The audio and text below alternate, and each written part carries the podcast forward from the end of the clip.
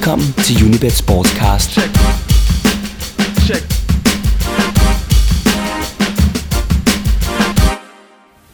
Velkommen til Unibet Sportscast med endnu et afsnit i vores serie om fodboldens hovedrige bagmænd, der denne gang skal handle om Europa og de gamle penge.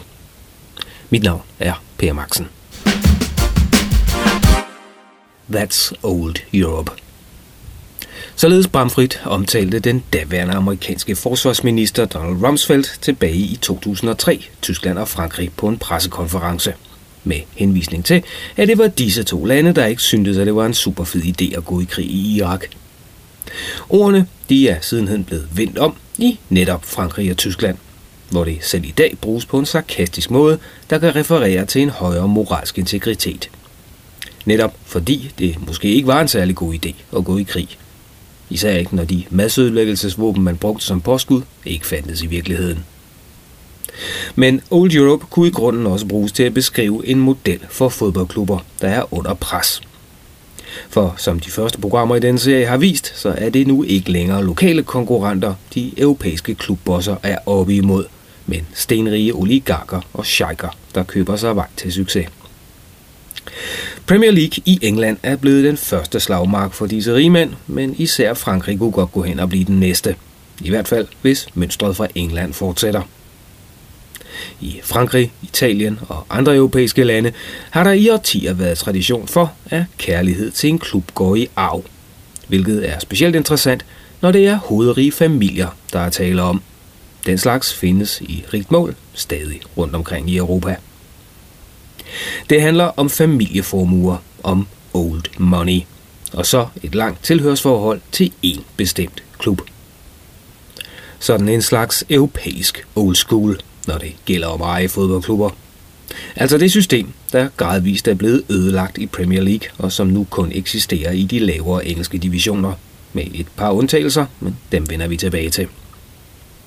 Det bliver primært en rundtur på kontinentet, hvor mange af de gamle magthavere er under pres fra oligarker, amerikanske rigmænd og oliesjejker, selvom man ikke skulle have troet det muligt bare for nogle år siden. For de mennesker i Europa, vi her taler om, de har endnu meget dybe lommer, som regel i form af familieformuer, der er opbygget over mange år. Og fælles for de gamle penge, det er, at de hører uløseligt sammen med en fodboldklub i deres lokalområde. Europæisk fodbold er, om ikke ensartet, så i hvert fald ret ensartet i sin opbygning. Klubberne de var enten medlemsejede, eller der var en lokal rigmand, der stod i spidsen for klubben og sørgede for at holde økonomien nogenlunde under kontrol. Og så var det som regel et spørgsmål om held, om den ene eller anden region var så heldig at have den rigtige rigmand. Altså en, der vel at mærke gik op i fodbold. Sådan var engelsk fodbold i mange år, indtil Premier League blev selvstændig i 1992, takket være den historiske tv-aftale med Murdoch's B-Sky B. Især i Sydeuropa er denne tradition stadig den gængste, og det er derfor, at vi skal omkring lande som Frankrig og Spanien, når der kan kastes et blik på, hvordan old money har klaret sig. For med oligarker, sheiker og yankiers ankomst, så er der i de seneste 15 år blevet vendt op og ned på virkeligheden i fodbold Europa, hvor vi er endt i en situation, hvor det i de fleste ligaer rent faktisk kun er to-tre hold, der kan gøre sig realistiske forhåbninger om at vinde mesterskabet og pladserne i Champions League. Penge, det er en stor del af det regnestykke. Og fodboldens jetset, de udkæmpede ikke kun slagene på banen, men også i tabloidaviserne og i de almindelige nyheder. Det var familier, der i mindre målestok end i dag ville bruge fodboldklubberne til branding og selvpromovering – men også klubber, hvor hjertet rent faktisk bankede i den rigtige trøjefarve. Men dynastierne de er i færd med at drukne under det massive økonomiske pres, som især sheiker, oligarker og rigmænd lægger på fodboldsporten. Mere end nogensinde, der handler det nu om at, kunne, om at kunne matche modstanderne finansielt, hvis man vil have en chance for at vinde et af de vigtige trofæer – og hvis man vil vinde det vigtigste af dem alle, nemlig den pokal, der har, der har store ører, så er det nærmest et krav, at man har nogle milliarder på bankbogen. Det har de fleste af de gamle ejere, men de er bestemt ikke så villige til at bruge løs af pengene, som de nyankomne er. Og så er der jo lige det ved det, at kan man få et tilbud, der ganske enkelt ikke er til at afslå, især ikke hvis det kommer fra nogle mennesker, der er meget opsatte på at vinde for enhver pris – så den gamle europæiske fodboldorden, den er på mange måder presset. Uanset hvor realistiske øh, ambitionerne i en region så end er, ja, så har Manchester City, Shakhtar Donetsk og Paris Saint-Germain sat sig sine spor. Vi vil også købe os til succes, er det fristende at udbryde. Og hvis de gamle fodbolddynastier rundt omkring i det gamle Europa ikke kan eller vil føle finansielt med, så er mange fodboldfans parate til at støtte op, hvis den finansielle revolution pludselig viser sig i form af en russer, araber eller amerikaner. For fansene der er det stadig klubforholdet, der tæller, og i den forbindelse det brændende ønske om succes. Især hvis det er længe siden man oplevede det sidst. Og ejerne, eller de gamle ejere, kan jo med sindsro tage deres check ned til banken med vidsheden om, at de jo selv er fans og ønsker det bedste for klubben, mens de vel at mærke plejer deres egne interesser. Med Abu Dhabis opkøb af Paris Saint-Germain og Dimitri Rybolovlevs køb af Monaco, ja, så ligner Frankrig den næste store slagmark i fodboldrevolutionernes tid. I Frankrig der er gamle storklubber som Lyon og Marseille kommet under massivt pres efter de nævnte opkøb i Paris og Monaco. For i de sidste 20 år, der har det været disse klubber, der har domineret fransk fodbold, hvilket blandt andet skyldes de rige familier, der i overvis har ejet klubberne. Et skoleeksempel på det, det finder vi i Frankrigs næststørste by, Lyon. I Lyon er det Jean-Marie Olas, der har ejet klubben siden 1987, og som med succes har brugt den samme forretningsmodel gennem alle årene. Altså lige indtil finanskrisen ramte i 2008. Olas er født i byen La Brelle, 20 km nordvest for Lyon, og han er et produkt af lokalområdet. Og hans plan var, dengang som nu, at gøre Lyon til en magtfaktor i både fransk og europæisk fodbold – da Olas kom til, der var Lyon stadigvæk i Ligue 2, men det ændrede sig snart, da den velhævende finansmand revolutionerede fransk fodbold med sin målrettede strategi. Mellem 2002 og 2008, der var det Lyon, der var kongerne af fransk fodbold, som en konsekvens af det system, som var bygget op gennem det første årti af Olas ledelse i klubben. Og rekorden med syv mesterskaber på stribe, ja det er stadig rekord blandt de store ligaer i Europa. For ikke nok med, at Lyon var et powerhouse i Frankrig. Klubben var også en veritabel talentfabrik med navne som Florent Malouda, Karim Benzema, Michel Essien og Sidney Gouvou på samvittigheden. Lyons og Marseilles kriser de hænger sammen med finanskrisen, fordi de begge er en integreret del af forretningsimperierne. Hvor Lyon før i tiden havde råd til at brænde 70 millioner af på nye spillere op til hver sæson, så er strategien nu skiftet til at gå efter transferfrie spillere og gode tilbud på især unge. Ikke det, som Olas var vant til, men han har vist sig som værende en, der kan skifte strategi, når det er nødvendigt. For at slås finansielt med PSG og Monaco, det er ganske enkelt ikke muligt længere. En konsekvens af finanskrisen det var blandt andet, at den løntunge trup den skulle slankes – og her var Olas ikke bleg for at være manden, der selv svingede øksen over spillere som Kim Sjælstrøm og brasilianeren Chris. En beslutning, der ikke var lige populær hos de mange fans eller i spillertruppen, men som var en nødvendighed i den rationaliseringsproces, som Lyon var tvunget til at gennemgå. Olas har nok mistet nogle venner på rationaliseringskontoen, men man må give ham, at han har holdt kursen internt. Dyre spillere er blevet marginaliseret i truppen, så de selv ville væk, eller er blevet solgt, når tilbuddet kom, og deres pladser på holdet er gået til spillere fra klubbens eget akademi, eller nogle af de relativt billige indkøb, som er blevet foretaget især i den næstbedste række.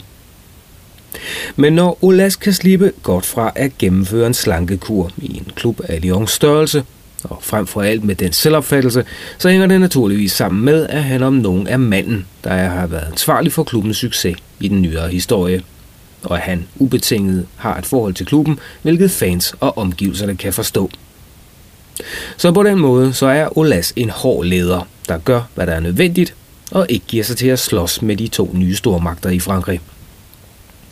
Da han overtog klubben i 1987, så skete det på et tidspunkt, hvor holdet var tynget af gæld, og hvor risikoen for en konkurs den truede. Men under Olas ledelse, der blev roret svinget rundt, så klubben 20 år senere var blevet en magtfaktor, også i Europa. Og af samme grund, så kan man i Rhône-området ikke se andre ledere, der er rigtige for Lyon, end Jean-Michel Aulas. Det skulle da lige være en sheik.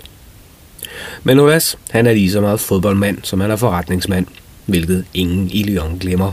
og så er han i øvrigt aldrig gået af vejen for et godt slagsmål. Heller ikke af den slags, der foregår i medierne. Lige inden finanskrisen ramte, der var Lyon godt i gang med at bruge løs, som de plejede, på den kommende sæsons Ligue 1-profiler.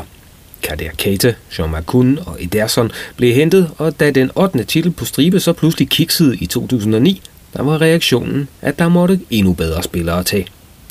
Michel Bastos, Bafetim Gomis og Lisandro Lopez, for at nævne nogle af dem, der kom til, da Lyon i sæsonen 2009-2010 brugte over 72 millioner euro på transfers. Året efter var det Johan Korkyf til 23 millioner euro og en årsløn på de 4,4 millioner af slagsen. Samtidig der skulle flere kontrakter med bærende spillere genforhandles, og de blev forlænget mod klækkelige lønstigninger, der kunne matche netop Gorkyf. Og her i lå problemerne for Lyon. For da det ikke blev til et mesterskab, så rokkede det ved et af fundamenterne for klubben. Altså at kunne købe relativt billigt og sælge tilsvarende dyrt. Keita han røg til Galatasaray for det halve af, hvad Lyon havde betalt for ham, mens Makuns transfer til Aston Villa også var en underskudsforretning. Og de manglende succeser på banen og fraværet af titler, det lagde en anden bombe under forretningen Lyon. Titler, de giver penge, der genererer merchandising, der fylder stadion op, der giver gode tv-aftaler osv. At klubben i forrige sæson end ikke formåede at kvalificere sig til Champions League, det var symbolsk for den sportslige og økonomiske nedtur, som Lyon har været ude i i de seneste sæsoner. Tallene, de taler deres eget sprog. I 2009 der omsatte Lyon for 192 millioner euro, et tal, der i 2012 var faldet til de 145 millioner. I 2006 lavede man 38 millioner euro i spillersalg, sæsonen efter 73 millioner euro, mens det i 2011-sæsonen blot blev til 21 millioner euro på kontoen. Lønomkostningerne i sæsonen 2010 de var de højeste overhovedet, i alt 121 millioner euro. Allerede året efter, der var de barberet ned til 111 millioner. En tendens, der fortsætter. Hvilket også er nødvendigt, for indtægterne fra både merchandising og billetsalg, de faldt med omkring 25 procent i perioden 2008 til 2011. OL Group, der er Lyons navn på børsen, de begyndte at rapportere tab, og markedet begyndte at stille spørgsmålstegn ved klubbens finansielle sundhedstilstand. Men Olas kursskifte fik for det første stabiliseret den økonomiske situation, så man igen kunne se fremad, dog med et andet ambitionsniveau, eftersom de nationale konkurrenter i Paris og Monaco er den rene Goliat at slås med finansielt. For at reducere lønomkostningerne, der gik Olas i medierne og kaldte flere af spillerne dinosaurer, der ikke var deres høje løn værd. Og Chris, Kim Kjeldstrøm og Manuel Bastos forlod klubben kort tid efter – Olas han forfulgte også et andet spor, nemlig at bruge pengene bedre eller smartere, især i forbindelse med talentudvikling, der så skulle måne ud i spillersalg på længere sigt. Og der blev indført et kodex om, at der skulle sælges en spiller hver gang, der blev signet en ny, netop for at holde lønomkostningerne stabile. Så Lyon i sæsonen anno 2013-2014 er takket være hans hestekur i en væsentlig sundere forfatning end bare for halvandet år siden. Fordi han, kærligt, men bestemt, betragter den børsnoterede klub som en forretning. Familien Pinot er en anden af de franske klubmoguler, selvom det i virkeligheden er som kunstsamler, at de fleste kender familiens overhoved. François Pinot er fra Le Changero, en landsby 50 km nord for Rennes i Bretagne. Med en formue i omegnen af de 15 milliarder dollars, så er familien Pinot den tredje rigeste i Frankrig. Navnet Pinot det er også kendt i pressen, altså mest for deres kunstsamling og kunstinteresse, og så en lille smule på grund af sønnen François Henri Pinots kone, den meksikanske skuespillerinde Salma Hayek. Det er i dag François Henri Pinot, eller FRP, der tegner klubben, ligesom det er ham, der styrer det luksusfirma Kering, som hans, som hans far grundlagde. Hvis holdingselskabet ikke lyder bekendt, så gør nogle af de brands, som de ejer nok. Modeikonerne Alexander McQueen, Balenciaga, Gucci, Stella McCartney og Yves Saint Laurent, eller lifestyle brands som Puma, Treton eller elektronikkæden Fnac kører også ind under Kering-paraplyen. Pinot han købte klubben tilbage i 1998 og skød med det samme mange penge i især ungdomsakademiet og træningsfaciliteterne. Han var også manden, der investerede i scouting i Sydamerika som en måde at få billige talenter til Europa. Det eneste minus i hele denne kalkyle, det er, at Rennes notorisk har underpræsteret frem til nu, og ikke er blevet nogen reel trussel mod de toneangivende franske klubber. Men klubben er blandt de bedste i Europa til at videreudvikle talenter. Ved første øjekast så virker Rennes ikke specielt indlysende som et sted, hvor en ung spiller kan videreudvikle sig. Men familien Pinot synes at have et særligt sted i deres hjerter for regionens fodboldhold, og med hjertet, der følger pengene. Men, som det så ofte er tilfældet så mange andre steder, så er der i Rennes en grænse for, hvor meget ejerne er villige til at ofre på succesens alder. Det er et kendetegn hos Old Money, nemlig at der er en grænse for, hvor meget man er villig til at betale for, at deres klub klarer sig godt. I historisk sammenhæng, så er der en klar logik ved denne herremandstænkning. De baserer sig på det, vi på godt dansk vil kalde fatter ved bedst. Succes er godt, men det skal ske på vores præmisser og ikke på andres. Og heri ligger problemet i Rennes, i Lille og mange andre steder i Frankrig. Nemlig, at spillereglerne er blevet ændret ved PSG og det nye Monacos ankomst. For familien Pinot, de kunne godt købe verdensstjerner til deres mandskab, men det ville bryde med en tradition, og frem for alt være en finansiel risiko, som de ikke er villige til at indgå. Så derfor sætter de deres mere realistiske mål, som FRP sagde i et af sine sjældne interview til den franske avis Liberation tilbage i december 2012, da Rennes lige var blevet elimineret i gruppespillet i Europa League. Vi har nået vores oprindelige mål, vi er nummer 5 i ligaen, og vi ligger til at kvalificere os til Europa i næste sæson. Og underforstået, det er derfor, at vi ikke går ud og køber dyrt ind. Transferbudgettet det skal være stabilt, ligesom sidste år. Finansielt, der har vi en balance, og vi vil styre klubben fornuftigt. Diplomatisk og fornuftigt sagt, men også ret kedeligt. I hvert fald, når man benchmarker sig mod PSG og Monaco. Og i øvrigt også har 15 milliarder på bankbogen. Men det er den kedelige og ansvarlige styreform, som Old Europe har været præget af mange steder. Og så umiddelbart ligner et let mål for nytilkommende, så frem de har bankbogen i orden og kan overbevise de gamle ejere om, at det er det rette tidspunkt at skille sig af med klubben. Og dybest set er den eneste, der spærer for det, hvor stort et tilhørsforhold ejeren nogle gange har til klubben.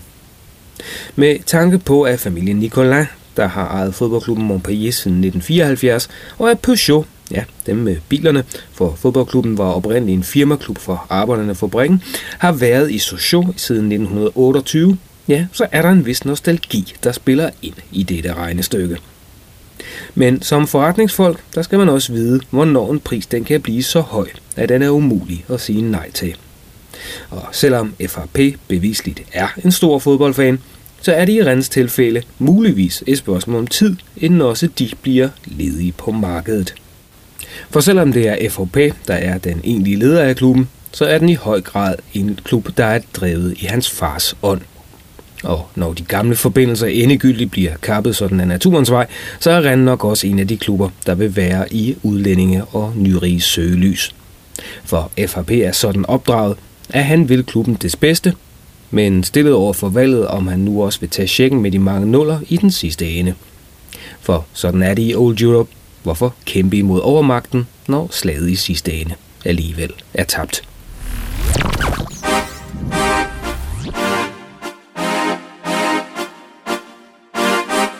Michel Sedou han overtog klubben Lille i 2004, og det er i hans regeringstid, at klubben i 2011 tog det første franske mesterskab i mere end 50 år.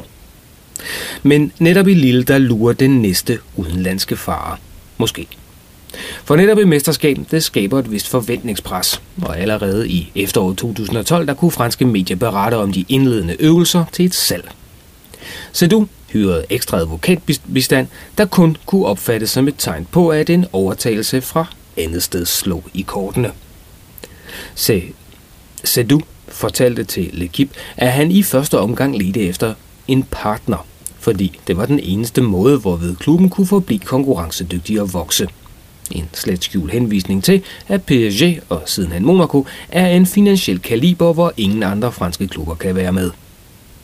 Sadu, der i parentes bemærket er en af Frankrigs største filmproducenter, har indrømmet, at fodbold i virkeligheden ikke er hans største passion. Det er filmen, bien sûr. Modsat hans bror Jérôme, der sidder i bestyrelsen for Olympique Lyon. Det, der interesserer Michel Sidou, er at bygge noget op. Og man kan vel med rette sige, at vinde det franske mesterskab for første gang i en menneskealder på mange måder er kronen på værket i netop den øvelse. Jeg er passioneret omkring mit arbejde, men jeg har ikke lyst til at gøre den samme ting to gange, er Sedu citeret for at have sagt. Og selvom Sedou og Lille er en succeshistorie, så er der i hans tilfælde ikke samme overlange tilhørsforhold til klubben som i Montpellier eller i Marseille. For ham var det i grund mere udfordringen, der talte. Michel Sedou ville den dag i dag være villig til at satse på en kunstnerisk fransk film, der taber penge, end han vil smide millioner efter at signe en dyr verdensstjerne til sit fodboldhold. Uagtet at hans familieformue skulle være omkring 1,1 milliarder euro, så er han bare for meget kunstner til at ville et moderne fodboldprojekt helhjertet. For ham består mesterværket i at have gjort Lille til en seriøs spiller i fransk fodbold med europæiske ambitioner. Derefter vil han igen hælde sig filmkunsten og overlade klubben til andre. Emirer fra Katar og Emiraterne, ja de nævnes allerede som oplagte købere af Lille, der så passende kunne tage kampen op mod PSG og Monaco. Og i Frankrig der kommer man heller ikke udenom en anden familie, nemlig Louis Dreyfus. Og det er her, vi støder på den første kvindelige ejer af en fodboldklub, Olympique Marseille. Margarita Louis Dreyfus er en af de mest magtfulde kvinder i europæisk fodbold. En position, hun arvede efter sin mand, Robert Louis Dreyfus, der døde i 2009. Familien, der er god for omkring 6,6 milliarder euro, overtog magten i Marseille tilbage i 1996. Ikke mindst fordi Margaritas afdøde mand var en stor fodboldfan, der i øvrigt også havde en andel af den belgiske klub Standard Liège. Så Marseille, det er en del af familien, og den måde betragter familien Tryfys den fortsat på. Netop det, at det var familietilhørsforholdet, det spiller en vigtig del af den måde, hvorpå man stadig opfatter fodbold i Old Europe. Vidsheden om, at man kun vinder fansenes hjerter gennem et langt tilhørsforhold. Men det er måske en af de ting, der er ved at ændre sig i vores moderne medietidsalder. Og hvor Old Europe i virkeligheden tænker håbløst gammeldags. For nu, hvor man slet ikke kan, hvor man kan finde sjælevenner gennem og hele verden gennem en hurtig søgning i Google eller på Facebook, ja, så passer det slet ikke til en tid, hvor man ligefrem skulle bo i området for at kunne påberåbe sig et tilhørsforhold til en særlig klub. Hvilken rolle spiller det, hvor du bor, bare du holder med mit brand, øh, min klub. Det virker også i Marseille, for Margarita Louis Dreyfus, ja, hun var russer af fødsel og er i dag svejser. Det sidste, hvis nok, er skattemæssige årsager. Og på det tidspunkt i fortællingen om Old Money er vi nødt til at tage et smut forbi Tyskland, hvor det ellers er umuligt for rigmænd at få den kontrollerende ejerandel i fodboldklubber. Det skyldes den tyske 50 plus 1 regel, som vi vender tilbage til i et af de kommende programmer. Men der er en undtagelse i Bundesligaen, og den findes i Hoffenheim. For her er Dietmar Hopp det nærmeste, man kommer en regulær sugar daddy, selvom de tyske medier stadig foretrækker at kalde ham for en messin. Ikke desto mindre, så er det udelukkende på grund af Dietmar Hopp, at Hoffenheim i dag er at finde i Bundesligaen. I år 2000, der var klubben placeret i 5. division, og i sommeren 2008, ja, der spillede de deres første Bundesliga-kamp. Hop, han spillede selv i klubben som barn, og at gøre Hoffenheim til en Bundesliga-klub, det er hans drenge drøm. Men mange steder i Tyskland, der hader man Hoffenheim, og i særdeleshed Dietmar Hop. I kritikernes øjne, der er Hoffenheim en klub uden historie, uden sjæl og uden rigtige fans. Modsat virksomhedsejede klubber som Leverkusen og Wolfsburg, ja, så har disse i det mindste en lang tradition i de bedste rækker, mens Hoffenheims opstigen udelukkende skyldes Hops milliarder. For Hop, han er ikke en, der overlader den daglige drift til andre. Han blander sig. Og i Hoffenheim, der har hans ord lige så meget vægt, som Abramovics har i Chelsea. Udadtil, der giver han rollen som beskeden fodboldfan, den sympatiske milliardær, der altid ses med et blåhvidt halstørklæde. Men internt, der er det hans vilje, der slår igennem, og det kan hverken bestyrelse, trænere eller spillere gøre noget ved. Da succestræneren Ralf Rangnick i sin tid sagde op, var det fordi klubben mod hans vilje havde solgt Luis Gustavo til Bayern München. Dengang så gik ansvaret videre til hans assistent Marco Pezzauli, dog uden større succes.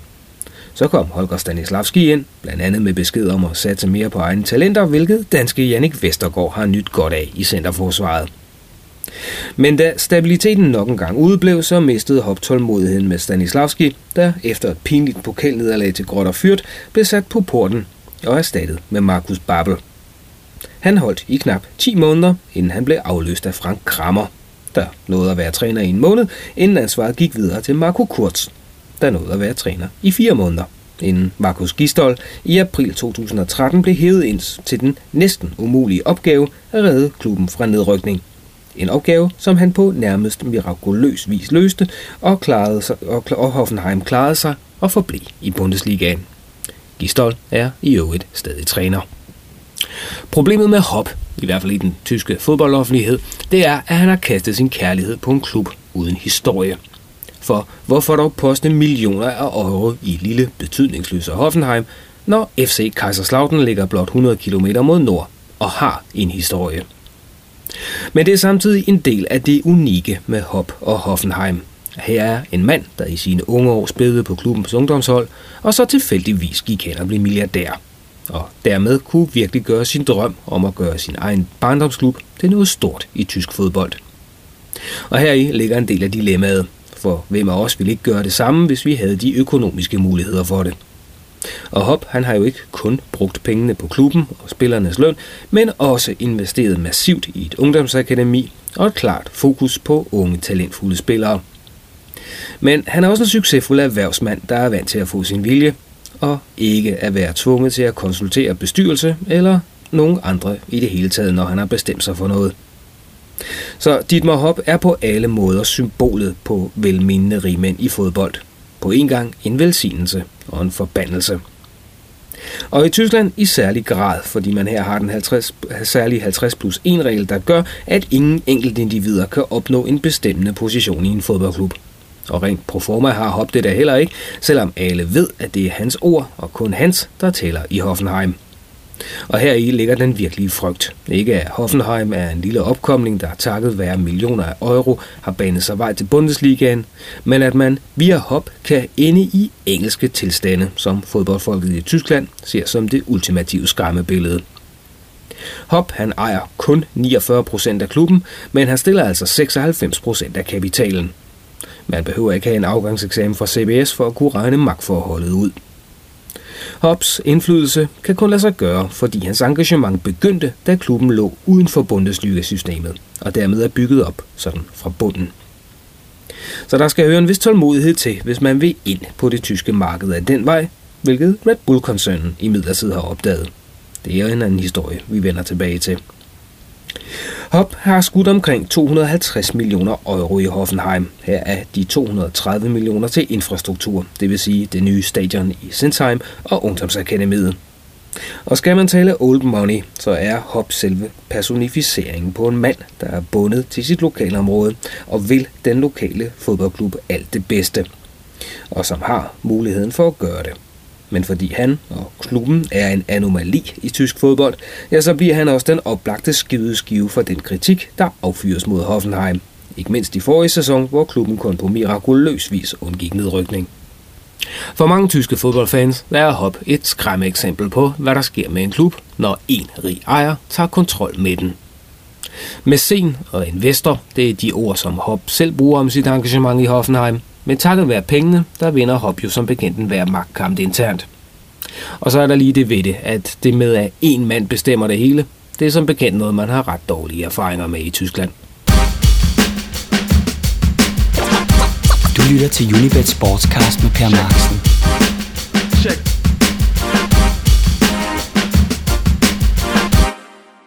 Spanien er en anden oplagt slagmark for sheiker, oligarker og kreative forretningsmænd på jagt efter en klub. Mange af de spanske klubber er finansielt voldsomt på spanden og kan erhverves for en slik. Men så kan der måske om sider komme en reel udfordring til Barcelona og Real Madrid. Men det er ikke sket endnu. Hvorfor, kan man spørge sig selv. Ja, svaret er, at det faktisk er i færd med at ske. Men det duopol, som Real Madrid og Barcelona har skabt, gør det nærmest umuligt for nye klubber at slå en bræsje i deres dominans. Schalkerne har forsøgt sig i både Malaga og Getafe, dog uden videre held. For i både Madrid og Barcelona er man ikke kun finansielt stærke. Man har allerede opbygget nogle globale brands, der gør mulighederne for ekspansion blandt de største i verden. Og så har man nogle af sportens største stjerner rendende rundt i hver sin klub. Cristiano Ronaldo og Gareth Bale i Madrid, og Lionel Messi og Neymar i Barcelona. Og ingen af de spillere skifter vel nogensinde til en anden klub i Spanien. Så selve det at skulle opbygge en slagkraftig trup efter det mønster, vi har set i Manchester City, PSG og Monaco, er nærmest umuligt, hvilket kan være en forklaring på, at diverse rigmænd stadig holder sig tilbage. Og i øvrigt, så er der allerede et par rigmænd, der har spanske klubber i deres portefølje. Og hvis man tror, at det er relativt ukendte rigmænd, ja, så kan man godt tro om igen. For hvis disse to først ville, ja, så havde de til overmål den økonomiske ildkraft, der skulle til. Amancio Ortega ejer en klub i det nordvestlige hjørne af Spanien. Hvis hans navn ikke lige ringer en klokke, så er det muligvis fordi han, ligesom så mange andre hovedrige personer, de skyr medierne, og i øvrigt ikke er en type, der bringer sig selv i situationer, hvor tabloidaviser eller paparazzi er interesseret. Men Amancio Ortega han er god for omkring 31 milliarder dollars, og dermed en af verdens rigeste mænd. En formue, der er skabt i detailhandlen gennem selskabet Inditex. Og Inditex, ja, det er det selskab, der står bag for eksempel den succesrige tøjkæde Zara. Ortega, der selv stammer fra regionen omkring La Coruña, er naturligvis ejer af Deportivo, og i øvrigt selv en hyppig gæst på Rias Nord, Louis La Coruñas hjemmebane. Men hvordan kan det være, at en klub med denne rigmand som ejer kunne rykke ned i Liga Adelante, når han bare kunne købe et nyt hold af superstjerner? Jo, det er fordi Ortega er businessman af den gamle skole, og endnu et bevis på, at Old Europes Old Money ikke er villige til at udskrive blankochecks, blot fordi det halter en smule på den sportlige front. For det er ikke fordi, han ikke interesserer sig for fodbold. Rygter vil blandt andet vide, at hans datters bryllup blev udsat i 90 minutter, fordi Deportivo skulle spille en kamp mod Barcelonas B-hold. For Ortega er af den type, der mener, at klubben skal sikre sig sportlig succes af egen vej. Han vil til enhver tid garantere, at Deportivo ikke går konkurs, men at smide millioner af euro efter en eller anden stjernespiller, det vil han ikke. Og dermed så bliver Ortega nærmest personificeringen på Old Europe – på patriarken, der nok vil se sit hjertebarn klare sig godt, men det skal være fordi, at dette barn kan selv. Hvis det ikke selv kan, ja, så må det tage konsekvenserne og leve derefter. Og det tankesæt, det er i grunden typisk, ikke blot for Spanien, men for alle de klubber, hvor en lokal rigmand har kastet sig over fodbolden. Her handler det om gammeldags familieværdier, og ikke så meget om den hurtige succes. Af samme grund er Deportivo en af de klubber, der aldrig vil blive mål for udenlandske investeringer, i hvert fald så længe Ortega har noget at skulle have sagt. Hvis Ortega ville have gjort Deportivo til den tredje magtfaktor i spansk fodbold, så havde han gjort det for længst. Men netop fordi han er så fast forankret i lokalområdet, så ser han det som en æressag, at klubben selv sørger for den sportslige succes. Og han er villig til at vente på den, hvilket ikke er tilfældet, som mange af dem, han er oppe imod. Det samme det kan i øvrigt siges om en anden spansk klub, Real Oviedo. Dens ejer er om muligt endnu mere imposant end Amancio Ortega, og så er han ikke engang spanier, men derimod meksikaner. Og i øvrigt verdens rigeste mand, hvis man ellers skal tro det amerikanske tidsskrift Forbes Magazine. Carlos Slim er 73 milliarder dollars værd og ejer ud over Oviedo i Spanien også de to meksikanske klubber, Club Pachuca og Club León. Takket være den form for finansielt moras, som Sydeuropa er rig på i disse år, ja, så var Oviedo så meget på spanden i 2012, at klubben måtte bede tidligere spillere og alle andre interesserede i øvrigt om at træde til, hvis det skulle blive til overlevelse. Juan Mata, Santi Cazorla og Michu var blandt de velhævende spillere, der alle havde startet deres karriere her, og så nu kom klubben til undsætning for at redde den fra konkurs. Men det var først, da Carlos Slim i november 2012 smed 2,5 millioner euro i klubben, og derved vandt en kontrollerende aktieandel, at redningen endegyldigt var sikret. Men hvorfor investerer en meksikaner i en spansk provinsklub? Den officielle forklaring er, at han gennem sit ejerskab af de to meksikanske klubber og den spanske klub vil skabe en synergi mellem fodbold i Latinamerika og fodbold i Spanien.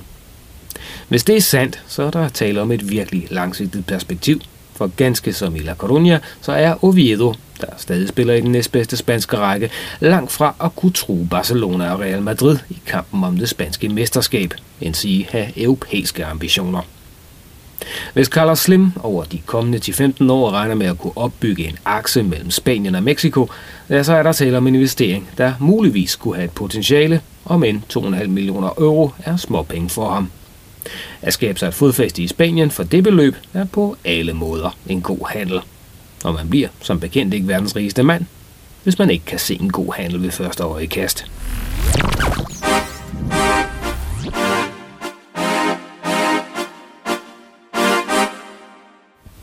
Selvom vi har været vidt rundt, så er der mange, man også kunne have, så mange andre, man kunne have trukket frem i lyset som Europas old money, der er gået ind i fodbold.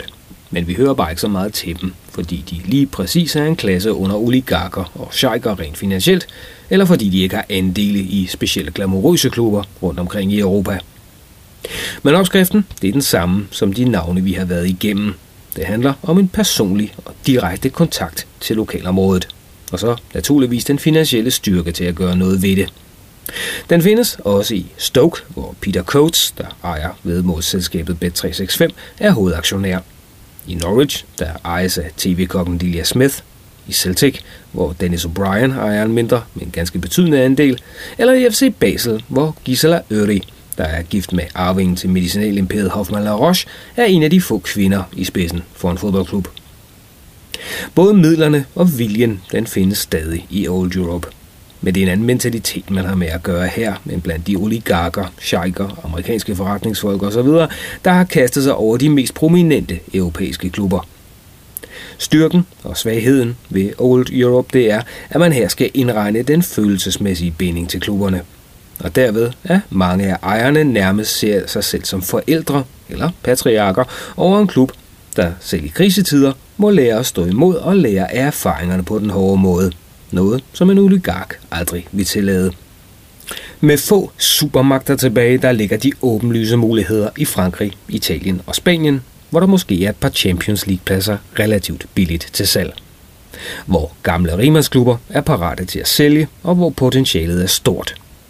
Hvor mange mennesker i verden taler i øvrigt spansk, eller fransk for den sags skyld, og hvor mange brand opportunities ligger der i mærkevarer, der kommer fra Italien. Nye tv-aftaler de har allerede hjulpet i Frankrig, i og med at tv-kanalen BN Sports er kommet ind. Men Old Europes chance ligger i at være tæt forbundet til de lokale regioner. Men risikoen den er modsat, at der kan komme typer som en Dietmar Hop ind og ændre hele billedet, nemlig fordi de kan påberåbe sig den lokale forandring. Og som altid, der lurer fristelsen til at sælge, når en udenlandsk køber er parat til at betale en overpris. For uanset om det er mæscener, familiedynastier eller ekscentrikere, der ejer de europæiske klubber, så er de i bund og grund forretningsmænd. Og selvom der i mange tilfælde er tale om et tilhørsforhold til byen og regionen og en passion for det lokale fodboldhold, ja, så er det stadig forretningsfolk. Du har lyttet til Unibet Sportscast. Andreas Stefansen sad i teknikken, og mit navn er Per Maxen.